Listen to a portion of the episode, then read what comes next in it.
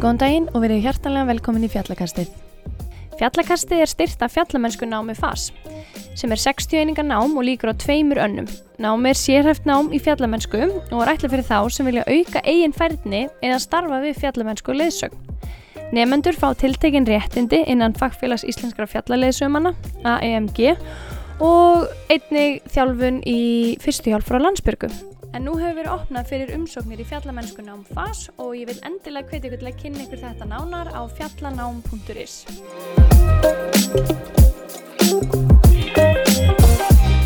Hjá mér í fjallakastinu í dag er hann Sigurður Ragnarsson, stóru vinnu minn og samferðamæður í fjallamennsku.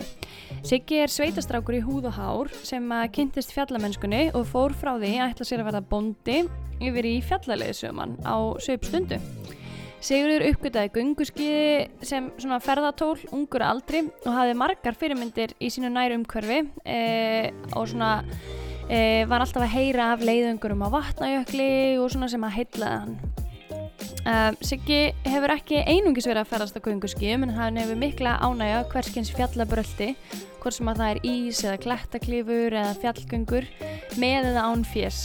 Siggi hefur einni starfað sem fjallamennskukennari og leiðbennandi ásand því að starfa sem leiðsögumæður um nokkuð langt skeið og er hann núna í mastersnámi í jarðælisfræði. Í þessum þætti þá ætlum við, eða þá rættum við saman um gunguskíðarleðangra eh, en það sem að slíki leðangra virðast vera í plönunum hjá mörgum ákveði við að ræða þetta eins nánar. Um, en Siggi hefur meðal annars lagt í leðangur yfir vatnajökul þar sem ég og Tómas Eldjátt vorum með í för. Uh, og ásand því fóru hann og Tómas í leðangur yfir Sprengisand árið 2017. Uh, við rættum alls konar tips og triks sem gott er að hafa í huga þegar maður fyrir svona leðangra. Um, en gott er að hafa í huga að við erum einungis að tala út frá eigin reynslu og mjög líklegt að fólk sé að uh, gera alls konar öðruvísi en það sem við erum að gera eða höfum gert. E, fyrir áhuga sama þá var ég nýverið að opna heimasíðu á samt góðum hópi fólks e, fjallanetið.is og mæli ég með að þið kíkja þannig en þar mun ég koma til með að skrifa greinar um hitt og þetta og með þessu flotta podcasti þá fylgir til dæmis frétt þar sem að þið getur fundið linka á ferðarsögurnar hans sigga hvort sem það er úr vatnajökuls leðangrunum okkar eða í leðangrunum eða í leðangrunum yfir Sprengisand. E, kíkja endilega á það.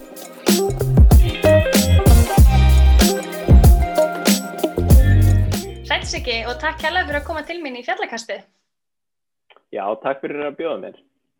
Gaman að fá þig. En ef við byrjum bara, hver er Sigurður Ragnarsson? Herrið, ég er fættur og uppalinn í Hotnafyrri. Er frá Sveitabæði sem er réttur utan Hotn. Ég var nú bara fókbóltastrákur, þetta ég var svona 16-17 ára og byrjaði svo í fjallamennsku eh, svona um það leitt sem ég hætti í fólkváltanum og í dag er ég fjallalesum maður og mastersnemi í jarðelsræði. Já, það er ekkit annað. Um, þannig að spennandi tímar að gerast þegar þér, væntalega með eldgós í bakarðinum. Já, þetta búið að vera spennandi mánuði, sko. Já, ekki tröði. Eh, en hvernig byrjaðir þú í eh, útivist eða, eða fjallamennsku? Um, hjá mér og þá byrjaði þetta út frá smalamennsku.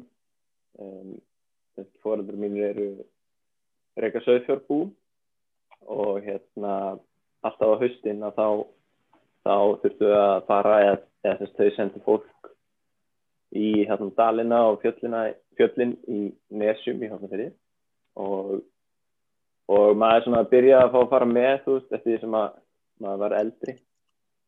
Og já, svona byrjar áhugin kvikna þar. Og svo setna meira þá leiðist ég inn í fjallamennskunna á FAS og hérna, já, held svo áfram það Já, við, við vorum nú saman í fjallamennskunna með FAS á sínum tíma. Það voru mjög góði tímar þarna sem við áttum í fjallamennskunna með FAS en hvert lág leiðin svo eftir það?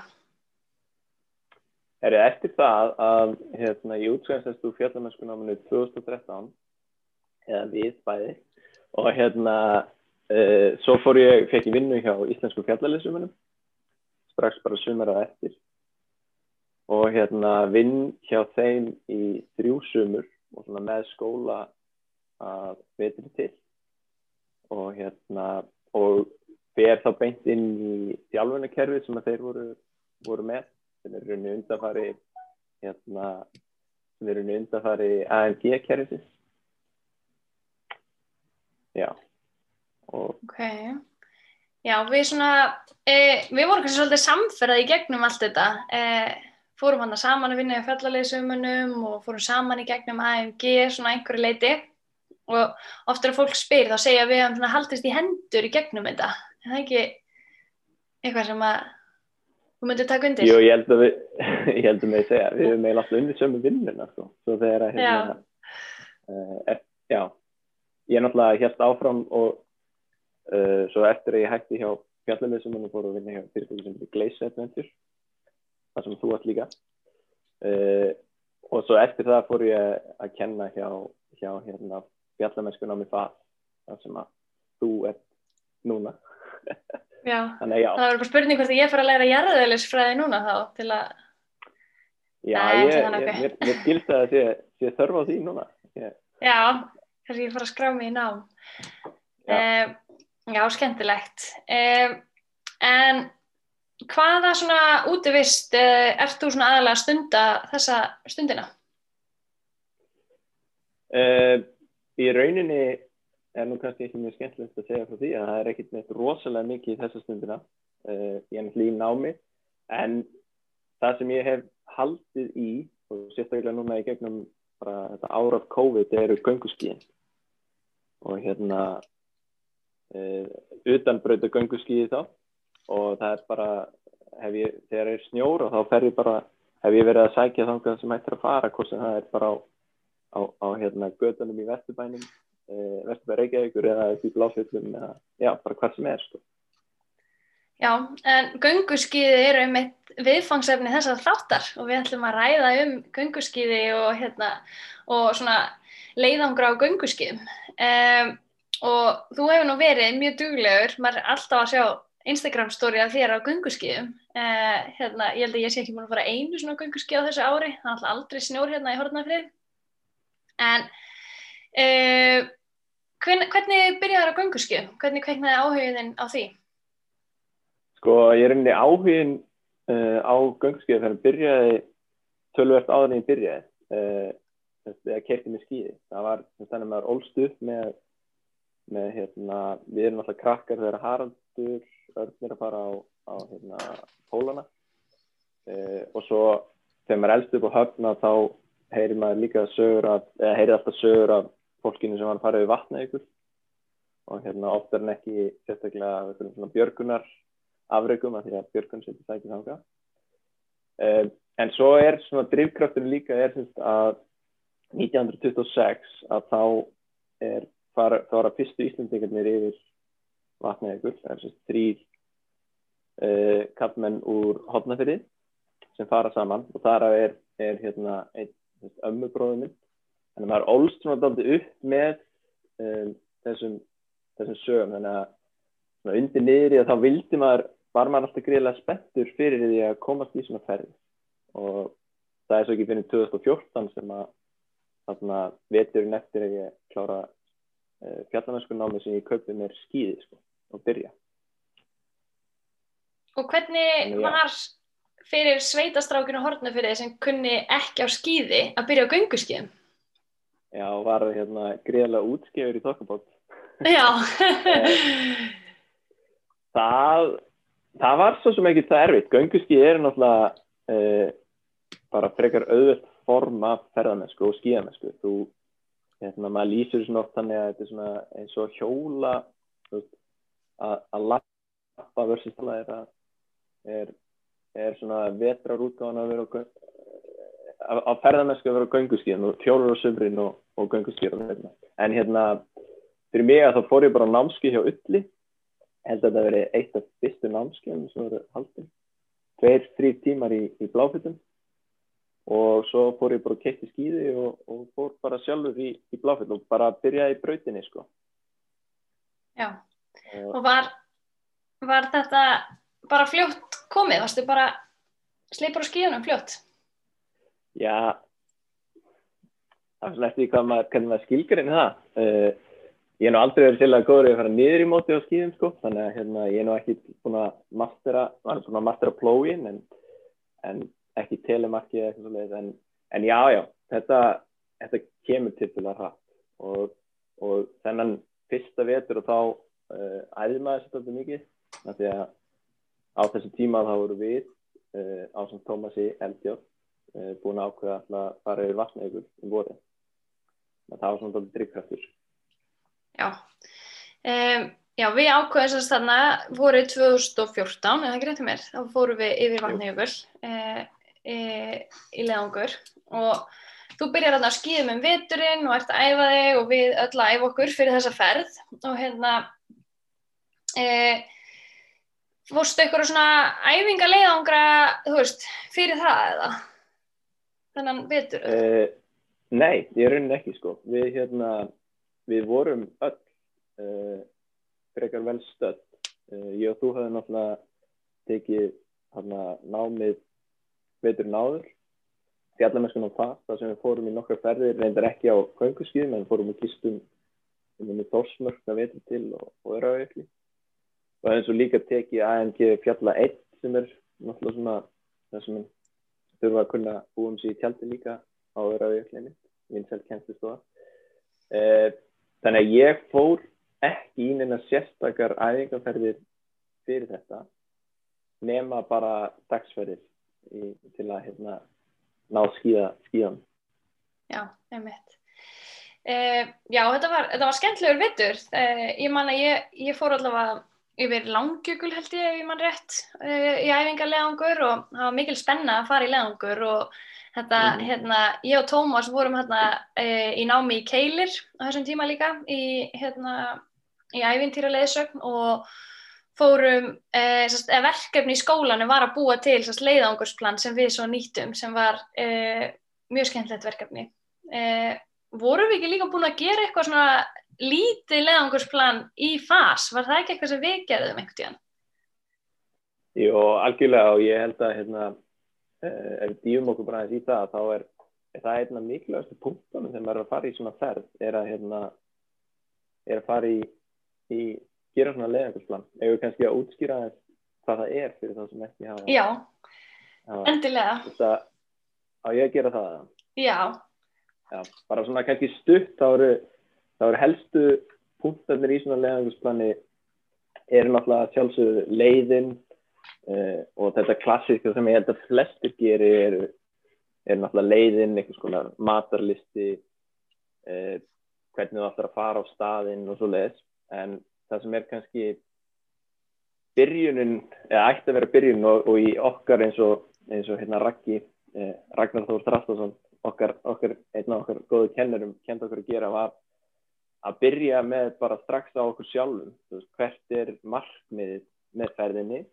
Samanlegt markmið hópsins og markmið einstaklingina og í svona almennt þegar ég er að ferðast og þá vil maður alltaf vita þetta. Fara svo líka í í hérna hluti eins og eins og hvernig allir að leysa ágrinnsmál það ágrinnsmál munu mjög líklega að koma upp um, þannig að við fórum í gegnum það ferli uh, þótt að þótt að þið tvö hafi skilað leiðansplaninu inn hérna í keili fyrir vatnavíkul og þá, þá hérna voru við nú uh, já, ég ætla ekki að segja hjálpumst að en, en hérna eða, veist, ég var í tengslum við þau voru að gera það. Þannig að það vissu allir hvað er allir þessu með ferðinni og svo voru við bara með niðun held praktísk aðrið hvenar, hvenar við ætlum að vera búin að resta skuttli hvenar við ætlum að gera ákveðna hluti hvenar við ætlum að að vesla mat eh, hvenar einhverju ætlum í æfingarferðir og, og svo leiðis. Um, Já, þetta er, þetta er mjög hjálpsamlegt að hafa svona, svona leðangursplanið mitt eins og þetta segja og að lista allar þessar hluti fyrirfram að því þá eru líka allir meðvitaðir um þú veist e, það sem getur komið upp eins og segir og að ef að markmiðin eru mismunandi e, eða eitthvað slíkt þá er kannski hægt að leiðrætta áðurunum að fyrir á stað líka eða væntingarnar eða eitthvað slíkt. Já, ég held sko þau vart ekki að fara í gætið um hóp, vart að fara svona með vinnum sko, þótt að við hefur nú þekkst upp ágætlega, þá er gott að vita sko, er manneskinn að gera þetta til að safna fylgjendum á Instagram eða þú veist eða fyrir CV-ið sitt er, er líkur eitthvað annað baki þú veist, er eitthvað sem að safna sér gæta reynslu og, e, en svona kannski bara með tímaraman þú veist, þá eru eins og ég hef skipulagt að því svo fóru við, við Tommy setna yfir sprengi samt líka e, að þá er þetta svona 7-8 vikur allavegna að lámarki fyrirfram sem er skipulegur e, hvernig tímalína undirbúningsins á að vera ásluð Ég mitt. Já, ég sé að við höfum einnig að byrja með samkvæmt planin okkar, þá voru þetta sjö vikur sem við settum fyrir vatnajökull sem dæmi.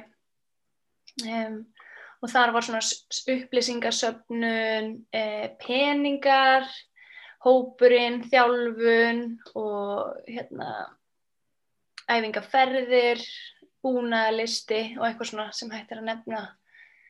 Um, Mjög vel gert okkur, en átt síðan ég hef skoðað þetta. Það er mjög flott. Já, deila hlutverkum, þannig að veist, það er eitthvað sem er ábyrgur fyrir að hafa samband við eitthvað varandi upplýsingar. Eitthvað sem er ábyrgur fyrir eitthvað öðru og, og, og það bara, að því að við vitum all hvernig það er að fara í ferðir, að, að, að, hérna, að það er alltaf hann að senast að vikan og senast í dagurinn og senast í tveir dagar eru oft það er alltaf mikið stress, sko og hérna það er mjög vott eða þú farið í kjölfar í tíu vikna ferð sko. Mm -hmm. Tíu daga, ekki tíu vikna. Já, sorry, sorry, já, tíu daga. En sama, sama brott virkar fyrir tíu vikna ferð Já, klárlega. Klárlega. Um, En svona ef við, við erum svona aðeins búin að tala um þessi leiðangurs plön sem er kannski hvað það mikilvægast til að búa, svona til að hérna, undibúa sig fyrir leiðangurinn. Um, en er eitthvað svona sérstætt sem þú gerir til að undibúa þig sjálfur fyrir svona leiðangur?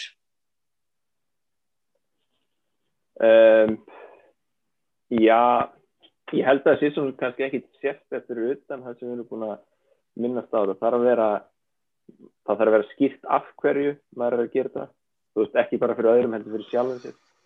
Uh, og svo þarf náttúrulega líka minn að vera til í þetta. Maður þarf að passa upp á að, að hreyfa sig og, og svo leið vera í góð formi. Uh, en já, og svo bara andlið undirbúningunum, þú veist, í hverju er ég að fara að lenda og, og hérna þú veist, hvað er líklega að hvaða vesen verður sola með og hvaða vesen er ég með og allt þetta sko. En ekki svona neitt rosalega sérstætt að öðru leiti er þú með eitthvað leiti? Uh, nei, ekkert svona sem kemur eitthvað, ekkert augalega við það sem við erum búin að nefna í mitt, bara, uh, en já, góðu punktur er mitt að velta svolítið fyrir sér af hverju maður er að fara inn að leðangur og svoleiðis og svona, mér finnst oft gott að setja mér í aðstæður í huganum, uh, þú veist, hvernig á ég eftir að taka þessu eða þú veist, hvernig á ég eftir að díla við þegar að verði væt átt eða svona viður eða allt þetta. Sem við þekkjum. En svona, af hverju ætli fólk sé að fara í svona leðangra? Ertu, ertu með svar fyrir þig? Af hverju sækist þú í að fara í svona leðangra? Þetta er ennu óttaleg kvöl og pína ofta að fara í svona langa gönguskeiða leðangra allavega. Já, sko, ég, nei, ég held að það sé, það sé miskilið, sko. Það er nefnilega, hérna, gönguskeiða leðangra eru snið að því leiti að þú, þú hérna, ert með allt draflið, e, þú þarf ekki að halda því, þú ert með það á sleðanauðinum, sem er auðvitað, það er auðvitað að draga sleða heldur en að halda bakboka og svona að því gefna að veðrið sé tildulega gott og allt svo leiðis að þá getur þú tjálsæðurinn í hvað sem er.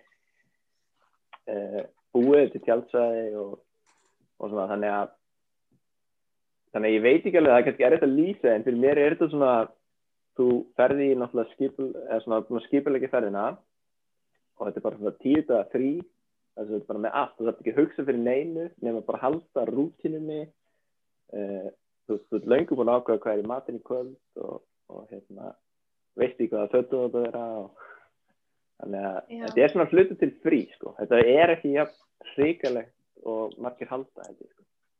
Nei, það er horrið ég er alveg samanlega því þetta er bara svona mjög svona basic life skills, þú þarfst bara að borða, þú þarfst að sofa, þú þarfst að kúka, þú þarfst að pissa og svo þarfstu bara að koma eitthvað ákveðu mörgum kílometrum inn í, inn í hérna inn í rútínuna og það er svona pretty much það sem þú ert að gera Já, kannski til að klára samanbyrðin sko með tjáltsöð og svolítið, þegar þú fyrir í bakbúkaferð að hérna, þá getur ekki tjálta þú veist, þú leggur ekki bara bakboka niður þar sem er og tjáltar því að þú veist ekki sofa með eitthvað stein veist, í bakinu eða eitthvað en hérna, það var svona púlstur með, með það sko. mm. en já, annars er ég er þetta algjörlega málið sko. Já, þú ert alveg, alveg seldur á þetta um, en svona ef við tölum aðeins um búnaðin svona hvað hvað fannst þér svona mikilvægast svona undirbúa vel fyrir eitthvað svona eitthvað leiðangra sem þú hefur farið? Eh, sko, varandi búnaði þá er þetta skiptist kannski í, í maður segja kannski þrengt. Það er náttúrulega þessi persónuleg búnaður, eh, skýðin og allt það og bara fötinn. Eh, og svo er það sameinlega búnaðurinn sem eru, þú veist, tjaldið og og hérna eh, eldunagræðin er á það. Og svo er það rötuninn og, og, hérna, og fjarskiptabúnaður þannig að ég veit ekki, ég hef að byrja bara á ja, á, á hverju viltu byrja? Þú mátt bara byrja, á einhverju skemmlega Já, það er ekki bara. Þannig að sko, fyrir mig að þá snýst líka mjög svona færð að vera með búna sem að eru líkt að líka á byli þannig að hérna vera með veist skýði í lagi og skýði og skó, það hefur verið alltaf erfitt á Íslandi að fá vasselda skó. Um, þannig að ég hef verið ansið blöytur í fætur í tína þannig ég mæli með því ef einhver er að gýra sig upp að, að finna þessi góða vasselda gönguskíðaskó svona að því sem næst, svona eins og bara gönguskór er eða svo leiðist um, skýðin og skýðastafinir eru svo bara er það ekki bara svona frekar standart þetta er bara selt, þú veist, þannig að Jú, bara passa, þú veist, um að fái já, fái einmitt rétt skýði fyrir rétt að hæð og rétt að þyngd í rauninni, held ég að sé svona kannski aðala og svo kannski bara svolítið nördaskapur eftir hvort þú vilt vera á, þú veist, rifluðum skýðum eða með skinn eða, eða hvað svo sem fólk er að velja sér nút í dags.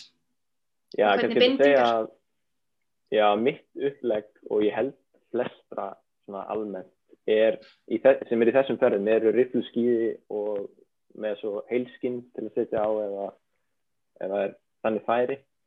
E, þannig maður þarf, já, maður þarf að maður ekki gleyma, gleyma skinnunum e, og með stálkanta já, með stálkanta þetta, er náttúrulega, e, og rifluskíðina þau þau leifa þær aðeins meira hérna, eða upp með ábröðskíði þá er það meira vesend og það velja réttan ábröð fyrir eiginlega, jáfnveil hvernig einasta dag og svolítið þannig að það er gott að vera að lausi það. Um, svo er það náttúrulega bara svona góður almennur fatnaður. Og þetta er bara fatnaður, ég meina ég er að nota sama fatnað í þessum ferðum og bara til að fara á þú veist, hvað náttúrulega sjók, það er bara basic, þú veist, ullalag uh, göngubúsur uh, eitthvað millilaga ofan uh, myndjakki og svo regn, regn Gore-Tex fatnaður góði vettlingar og allt það ég held að því Elin Lóa hafi nú farið nokkuð vel yfir það í vetrafjarnamösku podcastinu Já, ég veit Ég sem er búin að vera duglegar að hlusta að vita hvað við erum að tala um til við tölum góðan fatna Það er ekki, já, maður er ekki alltaf vísa í önnur, önnur podcast til að fá meiri hlustun Jú, klárlega, vil gert sig ekki, þú veist alveg með það. En ég held að einu sem ég tek kannski öðru sér í svona göngu skíðaferðum eh, með við aðra ferðir, því það gefur mér aðeins meira luxus og þá tekum við þessa hérna, dúnskó eða prímaloftskó til að vera í, í tjaldinu. Uh, sem er þá bara svona eiginlega eins og þykki sokkar. Uh, og svo eitthvað svona mjög góða dúnúrfu af því að þú veist eitthvað svona sem er kannski erfitt að, að fitta í eitt bakboka ef maður er bara að fara í eitthvað missjón þannig að maður er bara með 45-50 litra bakboka að það sé, sé hérna, já, svona einu sem er auðvitað fatt Já, einmitt. Uh, já, ég held að sé einmitt ekkert, síðan er einmitt bara svolítið, þú veist, maður það kannski stundum að þess að haga fatnaðanum eftir hvað maður er að fara að gera, þú veist, stundum að maður að vera með eitthvað kannski, þú veist, aðeins öðru sér född eftir hvert maður er að fara. Um, en það er nú yfirleitt svona sami grunnurinn, þannig. Já, við tökum bara, þú veist, þess að það sem er vinselast núna er náttúrulega, ég held að séu að náttúrulega fyrir COVID það verður að að að á vatnaðjökul skipula að ferðinstælum þeir sem eru að hlusta á þetta sem eru að fara í það þá, og hafa gengið á kvannabröðsnug og svona þá er þetta bara veist, mjög svipað í grunninn mm -hmm. uh, nema þú, eða þú býst við kaldar að verið, þá bætir kannski að við. Já, akkurat og einmitt náttúrulega auka, auka pör á sokkum og auka pör á nærfötum og allt þetta sem við Já, ég get þekkjum. persónulega mælt með því að hafa meirinn tvö pör á sokkum. Það er, hérna, uh, ég, í, í hérna sprengisandsverðinni að þá, þá ákvæði ég að vera eins léttur og hægt var og, og hérna, á sokkum var ekki alveg nóg. Það er gott að hafa þryggjaparra regluna, sko, eitt sem er því, eitt sem er, sem er, er að þurka eitthvað staðar, hvernig sem það fer að því, hvort það er trefið inn að eða hvað sem er, og svo eitt sem er rétt í, í póka. Eitt, Það fyrstu er eina fatatitli sem ég hef. Já, ég myndi segja að maður alltaf eiga þurra sokk í svefnbókanum, sko, það er alveg svona life hack, Já, 100%. Um, já, um, en ef við förum þá svona aðeins í hvort, hérna, bindingar, hefur ykkur á skoðanir? Uh, á maður að vera á Rottefeller eða NNN? nei, ég persónulega hef ekki skoðanir. Ég er á Rottefjölu byggingum, af því að þegar ég kefti skíðina þá, þá mættu þeir sem ég er aðfæra mig við með þeim byggingum. En eh, ég er nú núna í svona gönguskíða hóp og hérna ég er eini, eini maðurinn á þessum Rottefjölu byggingum þar, sko. Þannig að, Já, já. Er þú ekki á, Ég er á NNN? NNN bindingum, já. já, já. Uh, já, ég er einmitt bara sama. Ég er svo sem engan, engan persónulega preferensa þar. Uh, ég held að sé alveg bara, veist, að velja sér skó sem að henda manni og velja sér síðan bindingar í kjölfari. Uh, það er alveg bara pínu þannig. Um, já og eins og þú segir, það hefur verið pínu erfitt að fá skó á Íslandi og þá líka bara skó sem eru hlýir, uh, þú veist, um, ekki bara vasseldur, heldur líka bara almennlegir skór eða þannig, vel leiðis. Það hefur svolítið vanta á íslenskan marka, finnst mér.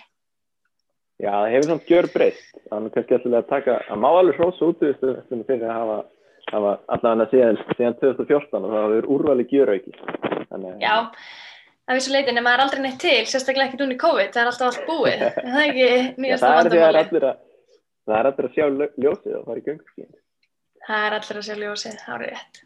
Uh, já, uh, en ef við fyrir að tala svona eins um, þú veist, uh, þegar maður fyrir lengri ferðir, hvena myndur þú segja að maður þyrfti að, að hérna, taka púlkuna fram? Uh, kemst maður upp með að vera með bakboka eða ertu bara púlkan alla leið, að leið þú fyrir að gista eða hvað hva finnst þér um það? Já, persónulega er ég það sko. Það er samt aðeins kannski eftir leiðavali að þú ætti að fara að sko púlkan er sem sagt sleðin fyrir það sem ekki þekkja þá það er sleðin sem maður dregur á eftir sér og það getur verið erfitt eða að fara mikið upp og niður að vera með púlkuna. Um, en þannig ef maður er að fara í svoleiðis og gista kannski eina eða tvær nættir og þá myndi ég mögulega að taka bakboka en í öllum öðrum tilfellum að þá myndi ég taka púlkuna og bara gefa þessu mikið miklu léttar að lappa á, á skíðunum. Uh, skíðin eru náttúrulega líka eftir veist þannig að þú kaupið skíði fyrir þína þyngd og ekki með eitthvað 15-20 kg bakboka á bakinu þá kannski virkar það ekki eins vel sko.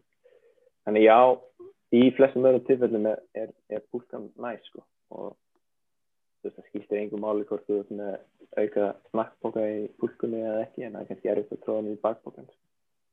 Já, snakkpókin, það viljum ekki Mm. gefa hann heima. Uh, en hvað svona, hvernig finnst þér þægilegast að setja púlkuna upp? Ertu með púlkubeisli eða ertu með bakpóka? Ertu að nota stangir eða, eða spotta með tegju eða hvað, hvað finnst þér virka best? Herðu, ég eh, hef í rauninni í þeim ferðin sem ég hef farið að þá höfum við bara fengið mátt, gott samstarf við íslenska fjallaleysumenn þau þau stutt okkur eh, bæði þau fórum að vakna ykkur og eins þau fórum á sprengisand þannig að við notum bara setupu sem að hefur reynst þeim best sem er bara í rauninni púlkan og svo er bara prúsik ja, bara, já, prúsik band eh, og svo svona tegju á bandinu eh, þannig að þú ert ekki bara að toga í, í reyti heldur við erum svona aðeins tegjanlegt þess að þú ert að togi og það er rauninni beisli þannig að erum, ég hef ekki verið að nota stangir eða, eða neitt svolítið um, það er hefur bara reynst mjög vel að það er þægilegt hvort þetta fara upp eða niður um, þannig já Já, það er líka þægild að það maður hefur einmitt svo mikið svona frelsi með púlkuna, þú veist, að þú vilt sitja nút að hlið, eitthvað svona, auðvelt að stýra með böndunum finnst mér allavega. Uh, en svona, hérna, ertu að nota, ertu alltaf með eitthvað svona lítinn bakboka með dagbúnaðinum eða ertu með allt í púlkunni eða hvernig, hvernig situr það upp? Já, nei, ég, hérna, ég er mikill uh, stuðningsmæður þess að vera ekki með bakboka ef maður er með púlku, þannig að, hérna, Ég hef verið bara með annarkort, uh, tekið bara mittisóluna af bakbókunum mínum og tengt púlkunum við það eða fengið bara, eða verið bara með svona þessi sérsnöru púlku belti uh, og það bara finnst mér mjög næst, þá er maður ekki með neitt svona auka þunga á, á aukslunum uh, en ég er eins og oft með sko einhvern svona lítinn bakbóka eða, eða eitthvað bara sem er á púlkunum þá með því sem ég þarf yfir daginn. En, en ég er ekki með á öxlunum, nei. Einmitt, já. Já, ég, ég prófa bæði og það getur einmitt svona pínu breytt álægin og maður fyrir svona meira að halla sér fram þegar maður er með eitthvað á öxlunum. Uh, þannig ég held að maður verður bara svolítið að prófa sér áfram og finna hvað manni finnist þægilegast með það að gera.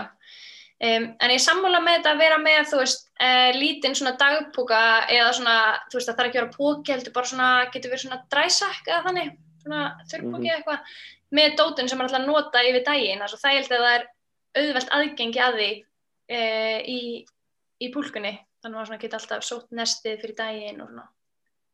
Já, í rauninni hérna, eins og ég sett mína púlku upp að þá hérna, þá hefur verið þannig að mjög næst að vera með svona púlkupoka það sem í rauninni bara allt er inn í og svo, svo farangur sem ég hef verið með í þessum ferðum er, svona mest í farangun er þá er ég með veist, svona döffelbak eða svona stóra tösku uh, sem er, hvað er það, er þetta ekki svona 80 Jú, orðið 70-80 litrar eða eitthvað, já, einhver starf á bílinu. Það er svona standard sem, að, sem allir eiga.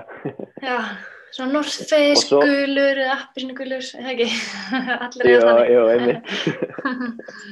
og hérna, svo hef ég verið, í honum er, er þessast född og, og svona allt sem ég þarf ekki að nota við daginn, svona allir auka búnaðin og, og svona matur sem það getur ekki, svona þurrmatur og alls kynns sem er ekki fara að smita út og, og skemma fötum mín.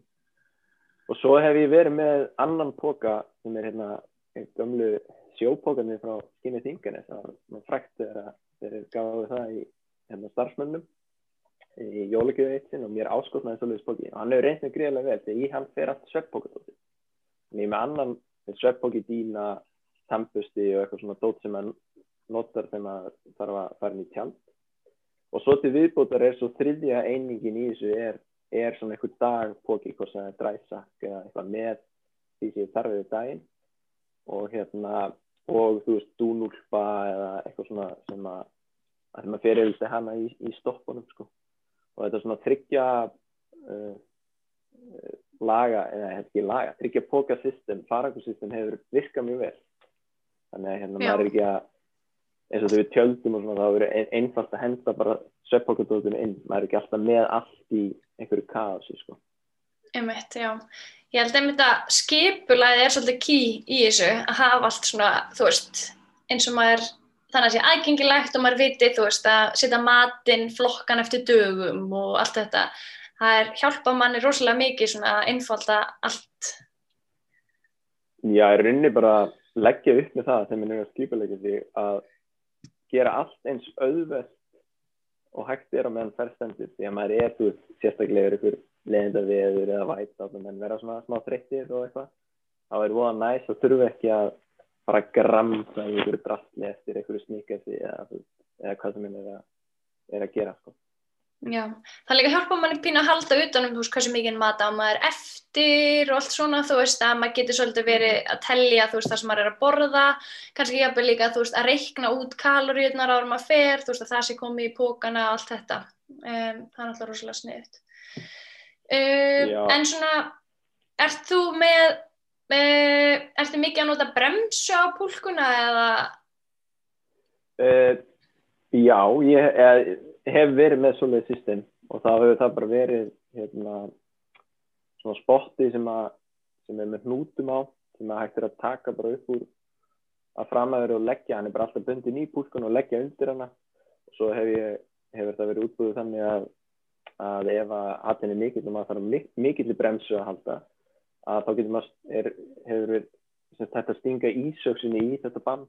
Og þá ertu komið með svona viðnám sem er hingað til döga eh, af því að ég er ekki einn drosalegur sko, skýða kappi og maður vill heldur ekki vera að taka mjög mjög áherslu áhættu í skýðum það er svo auðvitað á þessum gönguskýðum að, að meða sig.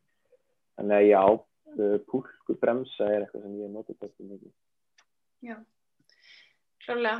Einmitt, maður þarf að, maður þarf að hugsa áhættu versus ávinningur í þessu, maður vill ekki vera eitthvað með í vatnajökli og, og lenda í kröppum dansi með púlkuna sína. Uh, það er ekki skemmtilegt. Nei, það er hérna uh, það er nú það er í myndbandin okkar sett samt þarna þegar ég, ég tók nú goða byrstu hana á Grímsfjalli á leðinu miður sko. Já, það var er hérna en þá hefði maður bara getað tóknað öll og ferðin búin sko, sem er, er gríðilega svolítið Já, klárlega um, en ef við færum okkur svona aðeins yfir í erum við ekki svona búin að kofera hvað mest svona hennan búnað eða hvað? Við tókum kannski ekki hérna tjaldið og við tókum Já. hérna fötum og skíðin verða ekki tjaldið Tökum það.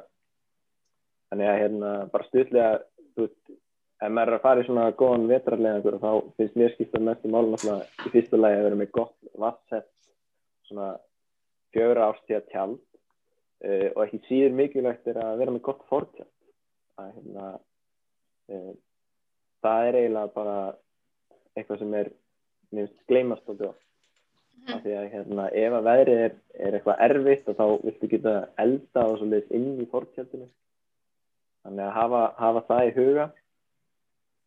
Er eitthvað annað vannandi tjald sem að þú myndi vilja segja? Uh, passaði sér með snjóskurum Uh, og þú veist, vera búin að prófa þetta allt áður um að fer, ekki fá tjald í láni hjá Gunnar frænda og fara svo stað. Uh, þú veist, að prófa þetta allt, sjá hvort það sé ekki örgulega allt, vera með viðgerðakitt uh, er mjög mikilvægt og hafa það með sér og, og svona þú veist, hvernig maður ætlar að bregðast við uh, ef að tjaldið hérna gefur sig eitthvað slíkt, þá þarf maður að vera svona að hugsa það aðeins. Og hérna, já, kannski held að það sé svona helsta. Já, vera með það í huga að tjaldi er náttúrulega þitt hús þannig að hérna, þannig að ef það er lendið í vondu veðri að þá, þá hérna, getur maður þurft að vera í tjaldinu kannski í einn dag eða eitthvað þannig að þú veist, ef minn eru fjórir ekki taka þryggja mann tjald eins og til að vera eitthvað lightweight eða eitthvað svoleið uh, já, en Nefn að annars séu bara þeimun nánari og séu tilbúin í svona kósi samvist. já, Eh, en svona þessar eldunagræjur, hvað, hérna, Herri, já, í mínum ferðum að þá höfum við verið með, með tvöfalt setup, við höfum annars verið með hérna bara svona gasprimus, jetboil eða eitthvað svo leiðis og hann höfum við einhverjum notað í svona fljótri eldamennsku sem er til dæmis að sjóða vatn í hafragrautamotnana eða, eða hitta te eða eitthvað svona.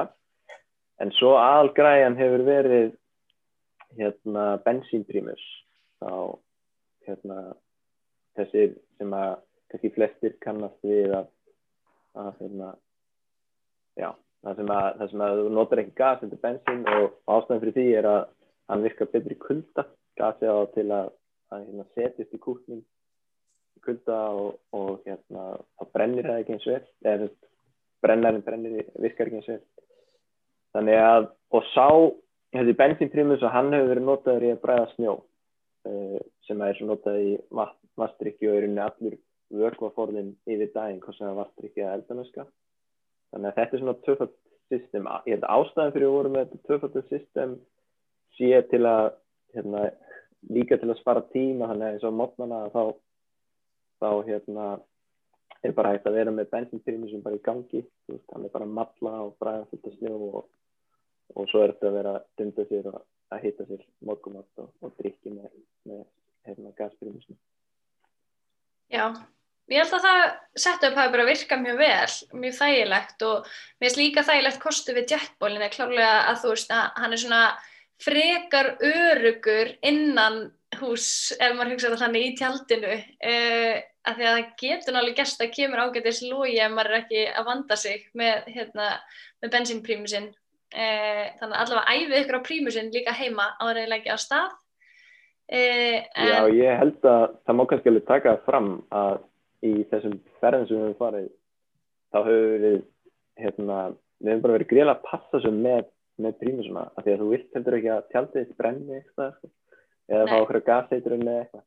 Þannig að hérna og ég, já, þannig að bara vera eins mikið út og hægt er að vera leiðir, annars bara að vera með góða aðstöðu í fortjaldinu kannski eitt varandi prímusum líka við vorum með hérna, svona treplata undir bensinprímusum, þannig að vera stöður þannig að myndi ekki bara að þetta nýri stjórn Það er mjög þægilegt. Já, verður svona hálfgeft eldur sko.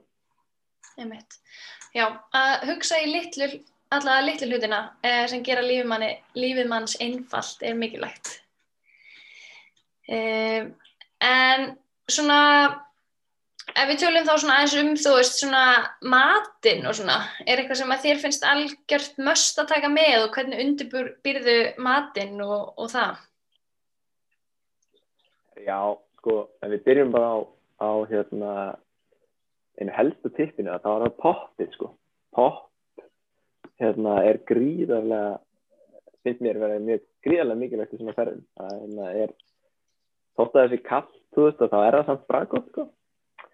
um, en, en svona almennt bara í matinu, þá er þetta svo sem frekar einfalt, á mótnana hefur ég bara haft það þannig að maður borðar enna klassíska svona ferðarmennsku hafragraut 1-2 decilítrar af havramöli og, og hérna, sukulæði biti og og kanilsíkur og eintiski að hvað hérna stigri og, og svo, svo daldið að smjöri. Svo bara heitt allt núti yfir daginn að þá var maður alltaf borðað bara þetta klassiska hérna einhver orkustykki snikkers mér finnst þú rosa fint að vera með bröðsneðar bara samlokur. Um, í þá sem ég myndi segja kannski háti og svo netur og allt það tótt og svo á kvöldina þá er náttúrulega mjög mikilvægt að vera með eh, helst þryggir þetta ef maður er að fara í svona styrst að færa það sem að og hérna við allan eins og þegar við fórum að þá reyndum við að forðast að vera með þurrmat. Við vonum bara með almenlega mat. Og hérna hvort sem að við hérna það er þetta verðin sem er vakumpakkað bara Tommi eldaði þegar við fórum að sprengja þannig og þá, þá var það bara með, vorum við með eitthvað vakuumpakkaða kjöttkássu sem hann með að tuttu sig að elda og hittum við bara upp og, og hérna, þannig að eitthvað svona osta og, og súpur svo annarkvæmt í forrætti eftir. Já, ég segi mér bara nóg af svona juicy mat, ef þið langar ekki að borða það heima hjá þér, þá langar þið ekki að borða það í einhverju tjaldi, einhver staðar út í raskandi. Uh, Þetta er náttúrulega líka. En þú ert alltaf að spæsa það eitthvað upp, sko. Já, þetta er náttúrulega ekki rétti staðin til að vera að borða eitthvað svona, hérna, þú þarf náttúrulega að ná einn nóg mikið kalóri. Það er náttúrulega líka mhm. að, að þetta sé mjög orkuríkt og allt svo leið. En eins og persónulega fyrir mig að þá er, þá get ég ekki borða bara einhver, einhver þú veist, alltaf klukkan tíu í tíu dagi rauð, það er bara ekkert nógu gifnilegt, sko. þannig að hérna, ég er að spæsa það til dæmis með poppi eða eitthvað svona sem er bara virkilega gott, sko. Já, ég mitt, uh, hlaupbánsar, ég er mikill aðdáðandi þeirra uh, og alls konar svona eitthvað sem manni finnst gott. Uh, og einmitt fullt af osti, það er gott að setja ost út á allan mat, allar svona pulsur og svona klassíska, þú veist, hérna livrapilsan og, og hérna og vá, það er stólu úr mér. Á, hvað heit, sviðasölda það var það sem ég var að leita.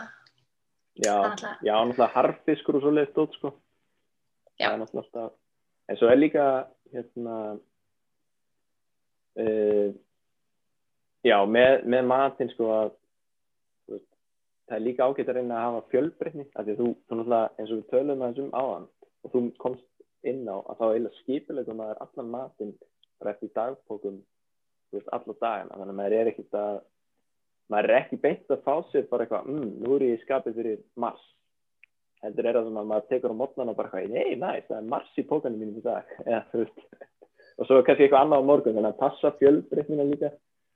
Uh, Já, já, klárlega.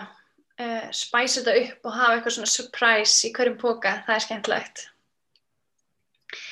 Uh, og svo náttúrulega getur maður þurft að hafa eitthvað svona uh, öryggisbúnað, þú veist, ef maður er að ferast á jökli, þá þarf maður að hafa jöklabúnað og, og svo er svona alls konar viðgerðabúnaður og þú veist, aukabindingar, stafir, eitthvað svona sem maður getur þurft að hafa með jafnvel.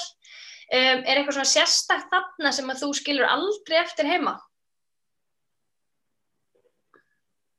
Uh, já, uh, það er heldur svona þessi basic viðgerðbúnaður, þú veist, eitthvað svona hérna, baggaband eða sem heitir kannski á fjallamennsku máli eitthvað annað, prúsikband og, og hérna duct tapeið og, og svona eitthvað svona fjölnátt og tón eins og leðimann og hann heitir ekki leðimann hérna, Jú, þú veist, eitthvað, tjaldbætur eitthvað svona sem getur rettað retta þér um, ég held að það sé svona grunnum sem fyrir alltaf en svo náttúrulega velum maður mismunandi uh, eftir aðstæðin eða eftir að fara í svæði sem er hæðast og þá tekur snjóflóðatrenninguna uh, brottar og ísöksi er maður náttúrulega hérna, yfirleitt með. Uh, af því að þú ert hvað sem er að ferðast í landslægi það er alltaf, það er alltaf hægt að þú ert að ferðast í snjó og að það sé harfenn eitthvað og svo, já, ert að fara á jökul þá er náttúrulega jöklabunnaðurinn og, og þekkingi til að nota hann líka greiðlega mikilvægt sko. um, er eitthvað annað var eitthvað annað sem þú myndist á er ég að gleymi fyrir hana Nei, ég held ekki. Það er spurning kannski með þú veist vaks á skíðin um, svona stundum ef maður vil hafa eitthvað svoleiðis uh, ef maður Já, ég hef- það er svona við höfum leist það, ég veit nú ekki hvort að þau sem að vinna á skíðavest um, myndi mæla með þessu. En við höfum verið með svona bara einhvern vakskupp sem við kittum hann að er það ekki bara svona eins og maður er að bræða í venjuleg skíði? Jú, þú getur svoleiðis. Kuppur og það hefur svona retta manni til að skella undir sérstaklega púlkuna ef er eitthvað erfitt að draga hana. Og þá léttir það oft á í, í svona klukkutíma þá er það fyrir undan og það, það léttir, léttir allt sko. Já, um mitt Já, það er svona við vera ekki verið með rennslis ábyrðan eitthvað Nei, ég veit, bara svona, bara svona þetta hefðbundna skíðavaks, ég held að það virkir svo sem alveg, það er örgulega til eitthvað betra, ég veit ekki. Já, potið. það fyrir eftir hversu mikill, uh, mikill uh, frumuður þú ætlar að vera. það er náttúrulega eitt sem við erum búin að gleyma minnast á sem er náttúrulega mjög mikilvægt er náttúrulega skóplan Já, og er náttúrulega partur á snjó, snjóflóðbrenningunni en hún fer náttúrulega alltaf með mm mm. -hmm. því þú þarft hana til að móka út fyrir tjaldi og fara á klósetti og allt það klárlega, góðu punktur, maður vil ekki hérna, skilja hann eftir. Svo kannski getum við svona aðeins talað um sveppbókan og dínuna og svona þessa nátt aðstöðu. Uh, það er alltaf mjög mikilvægt að vera með góðan sveppbóka. Uh, hvað, hérna, hvernig er svona, hvernig myndir þú pakka þér í bókan svona fyrir nóttina? Hversu hlýjan bóka ertu að nota?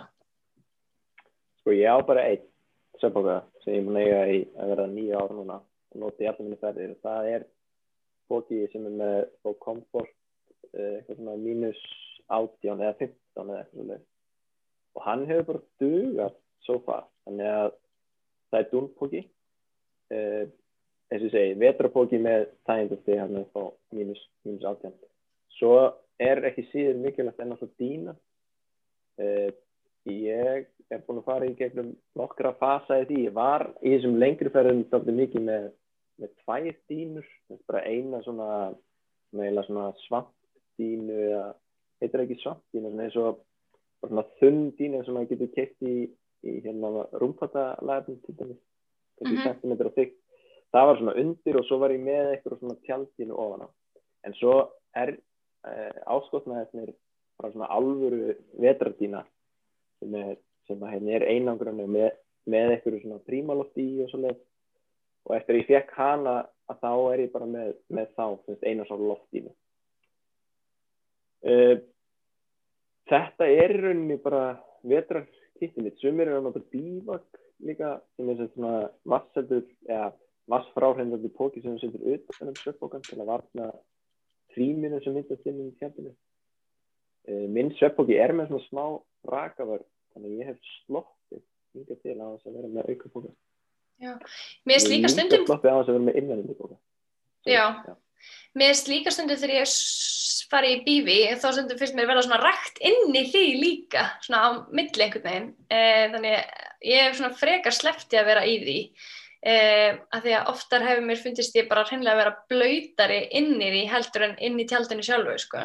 um, en kannski hefur það bara verið eitthvað aðstæður það er svona misjönd Já, ég, já, já, ég hef aldrei, uh, ég held ég hef bara aldrei notað svona. Uh, já, á ekki svona, og svo er, er náttúrulega þannig, maður er svona doldið íhaldsamur ef, maður, ef að eitthvað virkar vel og hérna, auðvitað er þetta misjæmt eftir hvort þú ert að fara í hvernig ferð og hvernig veðri og þannig, en hingað til hefur þetta gengið hjá mér svona. Já, já, ég er bara með svipa sett upp, uh, ég held við um einn sveipuga uh, og hann hefur bara virkað mér mjög vel en ég held svona hann sé að syngja sitt síðasta núna. Ég finna hann og svolítið svona, uh, hvað maður að segja, svona klebraður, hann er svona dútnir farin að klessast pínu og svona sem að held ég að sé eitthvað að gera hann, allavega mér skýtkalt uh, oft en ég er náttúrulega ekki að marka mig kannski þegar það kemur að því. Nei, en hann Eh. hefur alltaf að duga þér svo far í þínum ferðum sem er alveg, Já, það er kannski segir meira um þetta hýtast því að því að, að því að hérna, þetta er náttúrulega spurning um, hérna, ég hef líka verið að ferðast um fólki sem er sko svona, að hérna mínus 40 póka og hérna, sem er náttúrulega geggjað en hann, hann er bara líka mjög þungur, þannig að, að það er kannski aðeins öðru sem ef að einhver er að pæli að fara yfir í vatni eða sprengi samt eitthvað í februar, að hérna, þá þarf maður kannski að taka með að því versus það að vera að fara í júni eða eitthvað svo leitt. Emmett, Ná, þetta klálega, á maður er svolítið, já, maður verður að velja búnaðin í samræmi við það sem maður ætlar að gera. E, svo þarf maður alltaf að hafa fyrstu hjálpakitt e, með þessu helsta í, e, það er alltaf klassist, vaselínið góða og allt þetta sem við þekkjum. Um, er eitthvað svona sérstæð sem þú mútið segja að væri algjört möst þar, íþróttateip? Já, bara og, og blöðru uh, blöðru efni, maður hérna, hefur, hefur séð myndir af bara hrikalegum hælsærum og, og svoleiðis vesinni sko. þannig að, þannig að hérna, hafa það í huga um, ég held að sé svo sem ekkit annað en auðvitað náttúrulega í svona ferðum og það völdi náttúrulega vera með líka svona kannski aðeins ekstra af einhverjum livjum Mm ég held að við höfum alveg tekið með okkur eins og innmútíum og eitthvað svona á sem að sé eitthvað að fara að dreifið einhverjum livjum en eða tala um eitthvað, ég hef kannski ekki vitað en svona þú veist svona, það er ímislegt sem að getur gerst á tíu dögum og hérna Mhm. og menn þarf náttúrulega að þekkja sjálfan sig vel og vera undirbúin undir það. Mm Klárlega, núna þarf maður auðvitað að vera bara að koma með COVID-bólusetningu til að fá að fara í leðangra, er það ekki? Já, nú þarf er allir að sofa með grínu og eitthvað. Já, okkurlega, það verður eitthvað nýtt. En það er kannski eitt með svefnastöðuna líka sem er, sem er hérna, ég veit ekki uh, hvort að margir gera en ég, þegar ég sem sagt, er sett aldrei mikið með uh, dót sem ég er að þurka ofan í svefnbókunum þú veist, á milli lappana eins og sokka og eitthvað svona, það er reynst mér mjög vel svo lengi sem það sé sko ekki það rennandi blöytt og það sé að fara að bleita allt. Uh, ég hef ekki ef að dínusystemið og, og hérna svefnbókusystemið er bara nóg gott að þá hef ég ekki uh, og ég er inni, hef ekki þurft að vera með eitthvað heitar flöskur eða eitthvað svo leiðis Hefur þú verið að vinna með það eitthvað? Ég hef alveg gert það svona einu svona einu sinni, bara ef að ég akkurat, ef það er akkurat þannig að ég á svoði vatni í flöskunni, þá færum hún stundum að fara með til að allavega ná upp hita í tætnar og svona, það getur verið mjög næs. E, en ég er ekkert að vinna með að hita vatn til að setja í svefbókan, en ég hef alveg, já, sett e, vatn, hitt vatn í flösku og hann í pókan. En, og svo bara, þú veist, hefur maður náttúrulega líka alveg lendið því á köldþessu dögunum þegar þið komið nýri kannski mínus 20 eða eitthvað að þurfa að sofa í einhverju dúnúrspu, þú veist, eða einhverjum fötum og, en yfirleitt reyni ég að hafa dúnúrspunum sem kotta í treðin í, í eitthvað svona póka. Núna er líka alveg komið bara svona geggja næs kottar sem taka ekkert pláss og er þetta að blása upp og eitthvað svona, ég mæla alveg með eitthvað svo leiðis ef fólk vil hafa smá luxus sko. Mhm. Eh, en ég held sko að lifehack svona sem að hefur verið gjörbreyting í minni fjallamennsku svona síðan 2000 og eitthvað er, eru dúnbuksur. Það er náttúrulega bara, og prímaloft buksur er bara eitthvað sem að ætti að vera þarfa þing í öllum, öllum vetraferðum að mínum mati. Hefur þú verið að vinna með það? Nei, ekki nema bara í kennslu sko, því að sem maður er að kenna þá náttúrulega eru nefnendur að, að framkama allt þegar maður er nógu góður kennari. Þá er maður alltaf skýtkast sko. Mm. En persónulega nei, þá held ég ég myndi ekki taka í svona ferð af því að eins, en ég er kannski líka dálítið hérna, stífur í rútinu og því ég er að gera. Eh, hinga til allan að hefur það verið í lagi því að maður fer bara, veist, maður kemur í tjald, maður tjaldar og svo eldar maður og fer bara í söpboka. Það, það er svo sjaldan sem maður kemur þetta rými til að vera í dumbuksunum og, og. Hjá Mér bara, á svona köldum dögum, það þá myndi ég bara heiklust lappa í þeim, sko, ég er alveg þar, því mér er bara alltaf svo kallt. Eh, og síðan líka bara eh, til að sofa, þá finnst mér að gegja næs að eiga dúnbuksunar inni, sko. Það er einhvern mjög góða punktur. Eh, það væri svona auka auka, að þú veist, það er bara miklu þægilega heldur en að vera eitthvað að vefja dúnúlpunni og öllu, þú veist, hvernig maður, eh, En það er kannski að minnast á það því þið minnstist bara, bara össnætt á hann að fatna en á hann að yfirleitt þegar að ég er í þessum löngu ferðum að þá, þá er svona það fatnaðin sem ég gengi er yfirleitt hérna, bara ullarlægið og svo Gore-Tex-buksur og annarkort Gore-Tex jakki eða softil yfir. Og hérna að því að átökin er ofta mikið að það nægir til að handa hann á hreyfingu sko, niður í svona, ég veit ekki, mínus tíu eða eitthvað. Mhm, og svo er maður bara nógu fljótur að stökkva inn í, í kósi söpbóka já, einmitt. en já, allt í góð Uh, já, erum við þá ekki svona búin að kofera svona búna en að vestu leiti fyrir svona gönguskeiðaferðir eða? Já, ég held að við bara eftir hérna röddinn og fjölskyldi ekki? Já, myndir þú segja að væri svona absolutt must í því? Uh, í rödduninni, að þá er það nú það er nú frekar fljótt svara það er náttúrulega bara þetta klassíska kort, áttaviti og GPS og, og nóga hérna, rammagni fyrir GPS-ið uh, og svo er það náttúrulega líka og partur af leiðarplaninu að það er unni röddinu sem framkvæmur á staðnum að hún á er öll undirbúin. Það er, all, búið að setja allar punkta og búið að taka allar áttavitastefnur þannig að Þannig að til viðbútu við þetta myndi það annarkort vera eitthvað vel plastað blað með öllu stótinu eða, eða góð, vel útfyllt vassheld, svona uh, logbók. Ja, en svo er kannski núna, ég er enda ekki náðu vel inn í því, ég er alltaf komin til viðbútan alltaf úr og allir, allir pakkin. Já, úrin eru mjög næs, Sko. úrin eru mjög næs og e, svona líka komin svona ný, þú veist, eins og þessi tæki eins og Inreach og svona sem að er klárlega eitthvað svona sem að er algjör snilt sem eru svona gerfin þetta GPS-tæki um, mjög næs til að vera í samskiptum og svona og fá upplýsingar. já, þegar ef við færum okkur yfir í samskiptatækina þá er svona ímislegt sem að við höfum notað í gennum tíðina. Við vorum, uh, vorum sagt, höfum alltaf verið með neyðarsendi sem er þannig að neyðarsendurinn sko ekki sem spott eða maður hvað hann heitir sem maður getur leikt Mm, nei, um, ég Hann vinnur man að því. PB11 eða eitthvað. Það- Já, það- getur verið. Þetta er alltaf neyðarsendurinn sem að virkar bara, þú veist, þetta er bara tæki sem að þú, þú kveikir á, þú notar bara í neyð. En við höfum verið með svoleiðis, svo höfum við þessum ferðum líka verið með tetrastöðar og, eða tetrastöð og Vatn stöð sem að tengist á við eh, endurvarpana á, já, getur, er með þær rásir stiltar, endurvarpana á því svæði sem er fara. Uh, til viðbótur við þetta höfum við svo í báðum mínum lengri fennu voru við með spottæki. Mhm. uh, í annarskipti að þá uh, virkaði það hvað fyrstu tvo dagana eða eitthvað. Og, og í hitt skipti virkaði það alla dagana. Þannig að það er svona misjánt uh, já, svo til viðbótur myndi myndi mættilega koma Garmin þetta innrýtt sem ég hef ekki prófað persónulega Já, ég, ég nota núna undarfærið aðeins og það er búið að vera mjög næs. Uh, ég hef reynda vera í aðeins vandræð með að þú veist að fá skilabóð tilbaka en ég hef getað sendt skilabóð en ekki, ekki fengið alveg nógu vel svör tilbaka.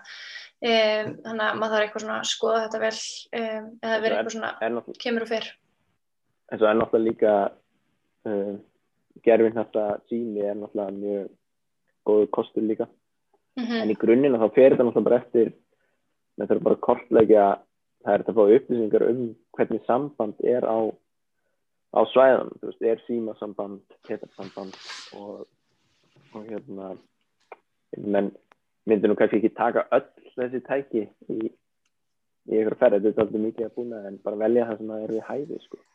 Akkurat, velja það sem, það sem er við hæfið mitt fyrir hver, hverju færið og þangar sem er að fara, hvað besta hérna, sambandi er á hverju tæki. E, og síðan kannski líka er bara svolítið að vera í góðum samskiptum við, þú veist, hengiliðina sína og láta vita, þú veist, hvena maður ætlar að vera í sambandi og hver, þú veist, klukkan hvað maður ætlar að heyra í veður, kalli eða eitthvað svona. Þannig að hérna, Já, við hérna í raunni settum við og það var partur okkar plani eins og við fórum á sprengisand. Við nefnilega lettum, það er ekki skemmtilega að segja bara örstuð frá því þegar við fórum á vatnaði ykkur þarna ég, þú og Tommy að þá lettum við semst í því að við vorum með spottæki e, sem að sendi frá sér að ég held fyrst eða annan daginn. Og við heldum að það væri alltaf að senda frá sér að komast á ok hérna þegar við ekki má taka hann en svo semst var eitthvað fólk bara óttast um okkur þegar við vorum, það var ekkert að heyrast í umlega einn og halvan dag að þetta fólk beintin á einhverja síðu. Og hérna þá sagt, var þetta þegar við vorum í kvíld og grímsfjalli og hérna við vorum bara búin að vera í guðunni og steikja læri og eitthvað og svo komum við bara inn í skála og þá, þá hérna var, voru við þess með samskipt þannig við kveiktum líka alltaf á tetrastöð klukkan 8 á kvöldin eða eitthvað svo leið og þá var hringt bara um leið og við kveiktum. Og hérna til að tjekka á eh, hvort það væri lægi með okkur. Veitum, það hefur verið svona ágætis moment þar sem að við erum áttuðum okkur á því að við heldum að veri fjarskipnum væri læg en þau sem voru að fylgjast með okkur voru orðin pínur hrættum okkur og, og björgunarsveitir svona eitthvað staðar ekki komin í hús en það var hafinn svona eftirgrensa þannig að þegar við fórum svo setna á Sprengisandi og Tommy að þá ákveðum við að reyna að forðast þetta vandamál með því að vera bara með einn fastan tengilið. Við vorum sem með, hann heitir Eiríkur Örg uh, og er veðurfræðingur núna hann hérna var semst okkar veðurfræðingur og öryggistengilir þannig að við sögðum bara öllum að við erum í sambandi við hann. Að það er engin annar sem myndi fá símringingu frá okkur eða, eða neitt. Við varum bara að fara í tíu daga. Og svo byggum við til Facebook síðu uh, sem ég held að margir hafa haldið að verið til að reyna eitthvað hérna, public, eða hérna, fá eitthvað publicity. En í rauninni var það í grunninn bara til að, að hérna, þeir sem að vildu fylgjast með að þeir getur fylgst með okkar öttirum og við gáttum náttúrulega þegar við vorum í símasambund þá gáttum við sjálfur sett inn en svo setti Eiríkurinn inn og fjarskiptin voru bara skipulega þannig að við ákveðum, vorum búin að ákveða fyrirfram hvernig við myndum ringja og ákveða stöðum að því við vorum búin að kortleika hvar væri samband mm -hmm.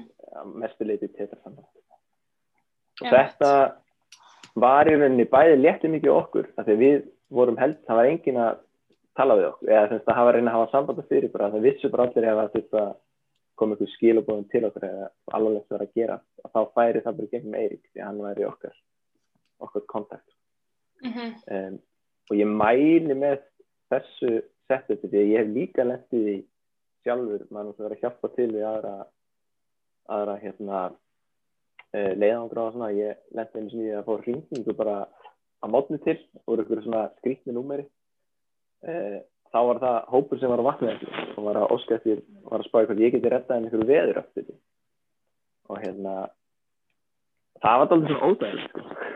þú veist að ég ætti enga vona því og, og hérna og þannig ég mæli með að, að skipilegja allt svona vel sko. það er bara gott bæðið fyrir ykkur og, og aðstændandur sko.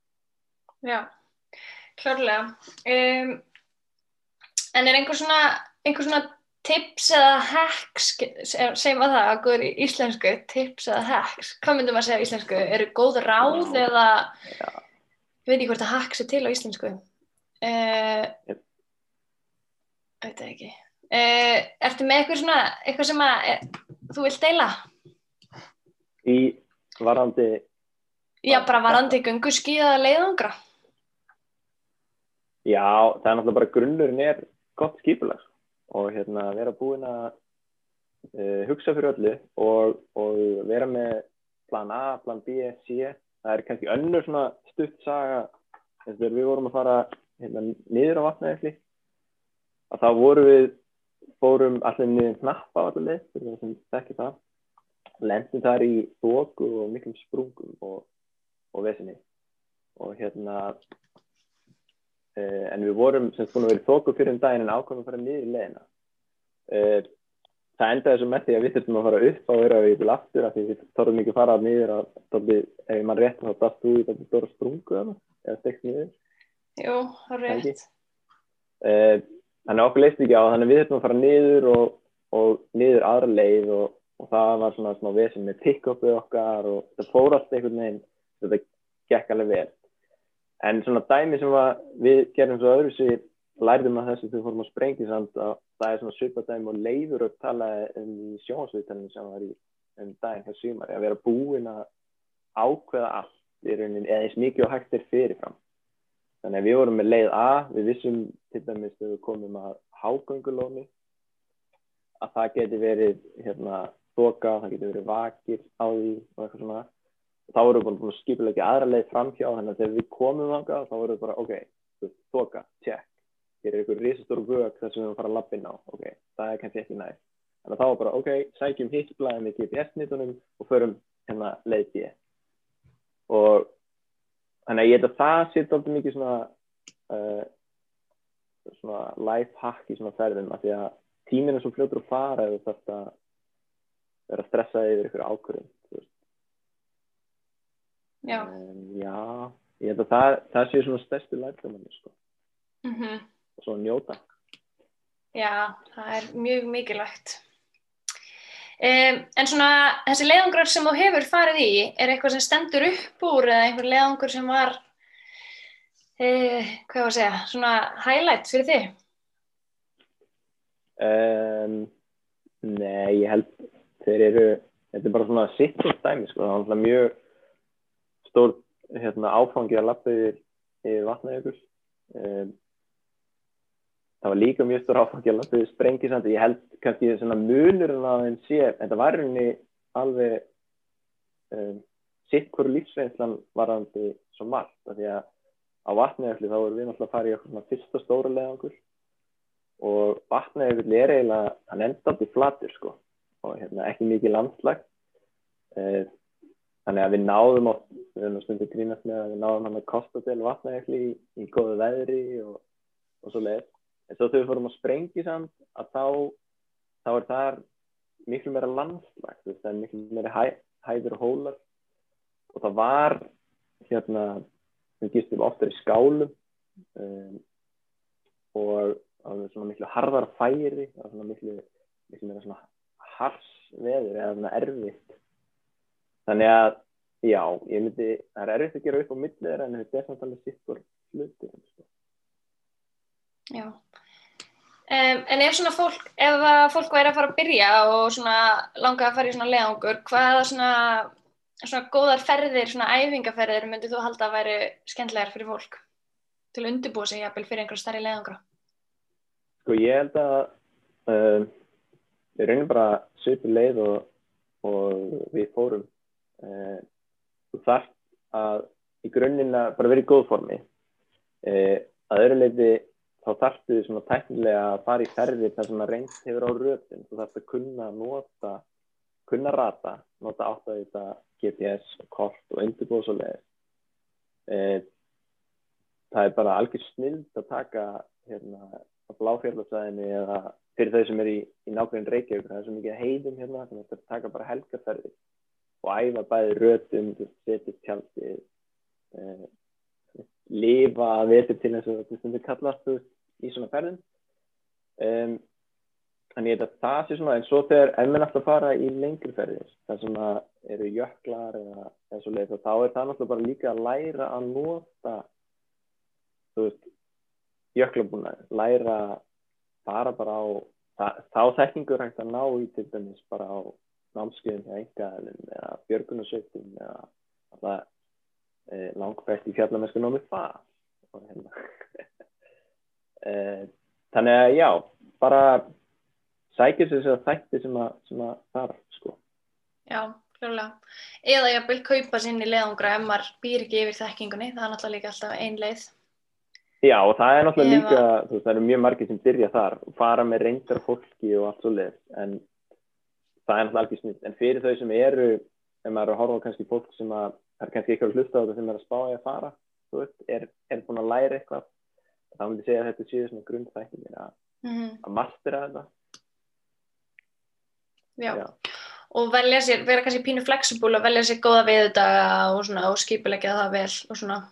Um, Já, og óhrættið að cancela. Við, hérna, einmitt.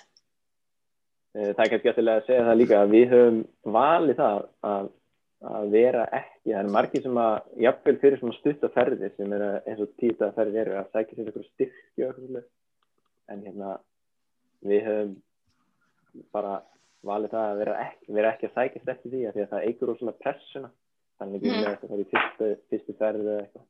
Á það í huga að Já, eins og það segir, þá náttúrulega fengum við ekki fjárframlög en við fengum vissilega einhverja aðstóð eins og skuttl í kverkfjöll frá Björgunufjöli Hortnaferðar, flutning á búnaði og eitthvað svona sem við fengum aðstóð við en ekki, ekki bein fjárframlög. En svona, ef þú væri að byrja kannski í þessi ferli aftur, svona að hefja þín gönguskíða leiðangurs feril, eh, er eitthvað sem þú myndi vilja gera öðruvísi?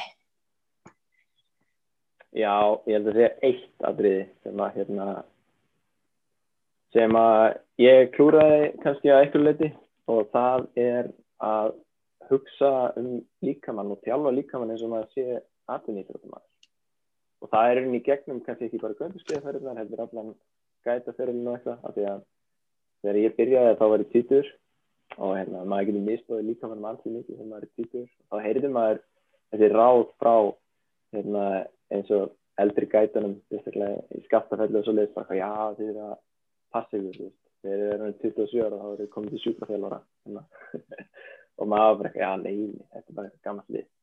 En, en það er algjörlega málið að, að hérna þú veist, langi dag þetta eru oft 10-15 klukktímar. Sem maður er bara í mikil áræstu með bakbók og og það er maður þarf að gera styrtaræðingar og sko. En að öðru leiti að þá mæli ég bara með þessu, þessu leið að, að hérna, ná sér við góðan grund sem ég fekk í fjallamennskunni og, og fór svo inn í gætaprogrammi og hérna, en ég vilja fara þá leið sko. Já, klárlega. Eh, en er einhver svona markmið eh, eða einhverju leiðangrar í bígerð hjá þér? Eh, nei, ég raunin ekki sko. Það er eiginlega pínu leðilegt að segja frá því. En ég er í skóla, þannig ég ákvað bara, ég er að klára mastersnám næsta vetur, eða næsta vor. Þannig ég ákvað að einblýna það og svo ger, tó, gerði ég líka svona smá COVID-markmið. Því ég var svona að taka hvað sjö ár, sem ég var rosa mikið að ferðast og, og gera. Þannig ég ákvaði raunin að gera ekkert, engin plönd sem getur brúðist. Þannig að, hérna, já, ég raunin er það bara að grípa tækifæri og fara á gangurskíði eða góða fjallgöngu þegar við erum skemmt. Já, en ef það er eitthvað svona, er eitthvað svona draumur, er eitthvað svona leiðangur sem þú sér í hillingu sem þið langar að fara? Já, já, það er, hérna, Kannski eitthvað sem þú vilt ekki segja frá, eða? nei, eða þú veist, það er náttúrulega bara, ég held, það er leið að segja frá því að því að ég held að það sé ekki að fara að gerast neitt, sko, en, en þetta eru náttúrulega stóru, lengri leiðangar á Pólana og Grænland og eitthvað, þetta var náttúrulega uh, mjög heillandi. Uh, en eins og staðan er í dag þá er ég ekkert að, ekkert að leiðina sko, ekki nema einhverju alltaf að splæsa fyrir mig, alltaf að plaka því, en Ef einhver er að hlusta sem að vil styrkja sigga til að fara í hérna, leiðangra þá hafið bara samband. já, bara, hérna, sér að e-mailinu mínu En hann getur ekki farið einn eh, sko, þannig að ég allavega og kannski Tómas sem fylgjum með í kaupæti, bara svo ég veit það. Já, það finnst það fyrir þrjá, það er mjög gott. Um, en já, þú veist, þetta voru náttúrulega leiðangra sem að, sem að, hérna, sem að langar í. Svo eru mörg svona minni missjón á Íslandi, það er svo margt hægt að gera og það er kannski sem ég vil ekki vera að segja frá um, en það er bara svona almennir leðangur sko, sem að margir aðeins er búin að fara Mm -hmm. Já, spennandi og vonandi fáum við að fylgjast með þér í fleiri leðangrum. Uh, en er eitthvað sem við erum ekki búin að kofera sem þú, þér finnst mikilvægt sem verður að koma fram svona um göngu skíða leðangra almennt? Uh, wow, þetta er meðal svolítið erfið spurning hendi en við erum alltaf búin að fara yfir yfir eiginlega skipulæðið og, og hérna ég held Jú, ég held bara, það. Við erum alltaf svona umræða endur ofta að vera svo mikið svona að stjera tipsum og eitthvað mm -hmm. en, en þetta ánáttúrulega að vera skemmtilegt sko. er líka yeah. ekki gleyma að gera ráð fyrir því að, að njóta, borða góðan mat og, og þú veist, það má alveg vera með skemmtadriði og ennir í þeim pakkanum sko. Já, hljóðlega Ertu með einhverja svona skemmtilega sögu úr einhverju leðangri, eitthvað sem þú mannst eftir? Eh, Eða kannski ekki hægt til að deila í útvarpi landsmála Já, já, það er, er nokkana þannig sögur, já. Uh, Nei, ég held að það sé samt kannski einn sem að það eru svona nokkur atriði sem að við, við fórum á Sprengland sem að voru daldi skondin hjá okkur og hérna og það er kannski eitt já, byrjum bara á, á hérna, einu, einu, einu svona eiginlega auðlulegri sög að vatna þegar að hérna Eh, þegar við vorum að, við vorum búin að skipilegja alltaf rosa vel og við fórum og, og ætlum að gista í kverkfjöldum í þess að efri skálanum þar. Og við komum þángað að setja bara dags og vorum bara alveg með allt á hreinu og, og, og svo komumst við ekki inn í skálan og við eðum hann einhverjum nokkur klukkutími að reyna að komast inn í hann. Og ástæðan fyrir því er þetta ekki að við vorum ekki mjög líkil en þetta var íspúki innan við hurðina. Og við vorum eitthvað að reyna að höggja okkur höggva hann og, og komist ekki inn. Og þá fer í gang svona ákveðið sko bara eitthvað, ah, ok, við erum hérna strax að fara að breyta plani. Og hérna við förum inn í tjald og tjöldum hérna bara fyrir utan skálan og, og Solveig fer að gera, gera mat. Og hún er alltaf með aftar hennu og, og eitthvað og notar fína nýja pottin minn svona jetfoil pottur og, og gleymir að taka lokið af og bræðir gat á lokið bara á fyrstu klukkutímum ferðarna og ég held að hérna fyrir okkur öll og þá hafa þetta verið svona, svona pínu moment bara eitthvað eitthvað, ah, já hérna, nú erum við bara komin í the real deal og hér hefur við bara geta klúðað eitthvað og það er kannski eftirlega að það komi hér fram að Solveig skuldum er ennþá loka pottin Já, við rettum þessu eitthvað í hann En svo er annað sem við gerum líka vatnægli að við vöndum okkur rosa mikið við röðurinn á vatnum en hvað á day 3 eða eitthvað eða day 2 og þá áttum við okkur á því að við höfum ekki, vorum ekki að tala rétt saman eitt af mig GPS-tæki voru að gefa mísusöndu stefnu eða eitthvað og hinn var að nota rétt í söndu stefnu þannig við vorum veist, alltaf einhverjum nokkur hundru metrum til hlýðar við það sem við ætlum að vera. Já. þannig að það er svona auðalegt röðunar moment sko En, mm -hmm. en við vorum samt nógu klár til að fatta það. Um, já, já. Þannig að við verðum að gefa okkur kredit fyrir það.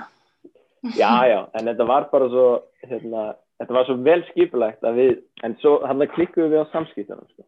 Já, já, en það er líka klárlega að maður getur náttúrulega skipulagt sér alveg í þaula en maður það náttúrulega líka, þú veist, sitta það í praxís. Um, já, og svo er, er kannski þetta svona sniðast að sagja hann sérinu þegar við tómluðum og farið í sprengisamt og þá því við vorum bara tveir og það var svona eins og öðru sér kemík sko. Það kom bara upp hann að moment þegar við vissum svo sem við myndi koma þannig að við vorum bara alltaf í nortin mjög pyrraður út í góðan annan sko. Og hérna og og við vissum ekkert af hverju sko. Veist þetta er bara er eitthvað sem gerist og það endaði þetta með því að í, í halvan dag þá, þá vorum við ekkert við letum bara verknum tala og vorum ekkert eitthvað að grína sko en svo bara þegar við komum í tjaldum kvöldi þá hérna, tókum við fram leðangsplanið okkar og fórum að skoða og þá náttúrulega myndum við eftir því að við þurfum að að ræða allt eitthvað svona og við töluðum saman og, og niðurstaðan úr því var semst að það vissi kóruður okkar ákveðan að pyrraður út í hinn sko. en Þið hljóðum eins og gömur hjón Já, en þetta er nefnilega þetta er svo fyndið, þú veist, hvað, hvað hérna, þannig ef þið eru að velja, þú veist, bestu vinn ykkar og eitthvað svona í ferðina að, hafa því í huga, veist, hvernig leysið þið eitthvað, það Mhm. kemur allt upp. Já, ég held að oft engin leyndamál þegar þú ferðir svona leðangra og það er alveg svolítið svona, uh, við sáum það líka alveg, við áttum alveg okkar moment þar sem að var pyrraður og, og hérna, og eitthvað svona eins og vatnajökli og svona, og sama þú veist að maður er ekkert að, maður er að deila hægðum og lægðum, literally, uh, ef við, ef við segjum, segjum það, að hérna, að Hæ, það, hæ, hæ, hæðum og læðum. Nei, þetta átti að vera hægðum, að þið verið líka deila Já, hæðum, já, já. Já. ok. Eh, en líka hæðum og lægðum þannig að hérna, en literally hæ, hægðum líka maður þarf að deila þeim eh, eða upplýsingum um það hvort það sé ekki allt í góðu þannig að hérna, maður fylgist vel með þessu Já, en svo held ég því bara allt í lagi að er ekki bara að benda á, við erum náttúrulega sem ekki búin að fara í ykkur ferðarsögurnar eða eitthvað svoleiðis, en það er hérna vídeo ekstra á YouTube til dæmis með vatnajökulsferðinni. Það sýnir svona, hérna, sýnir ferlið og bara hvað var gaman, sko.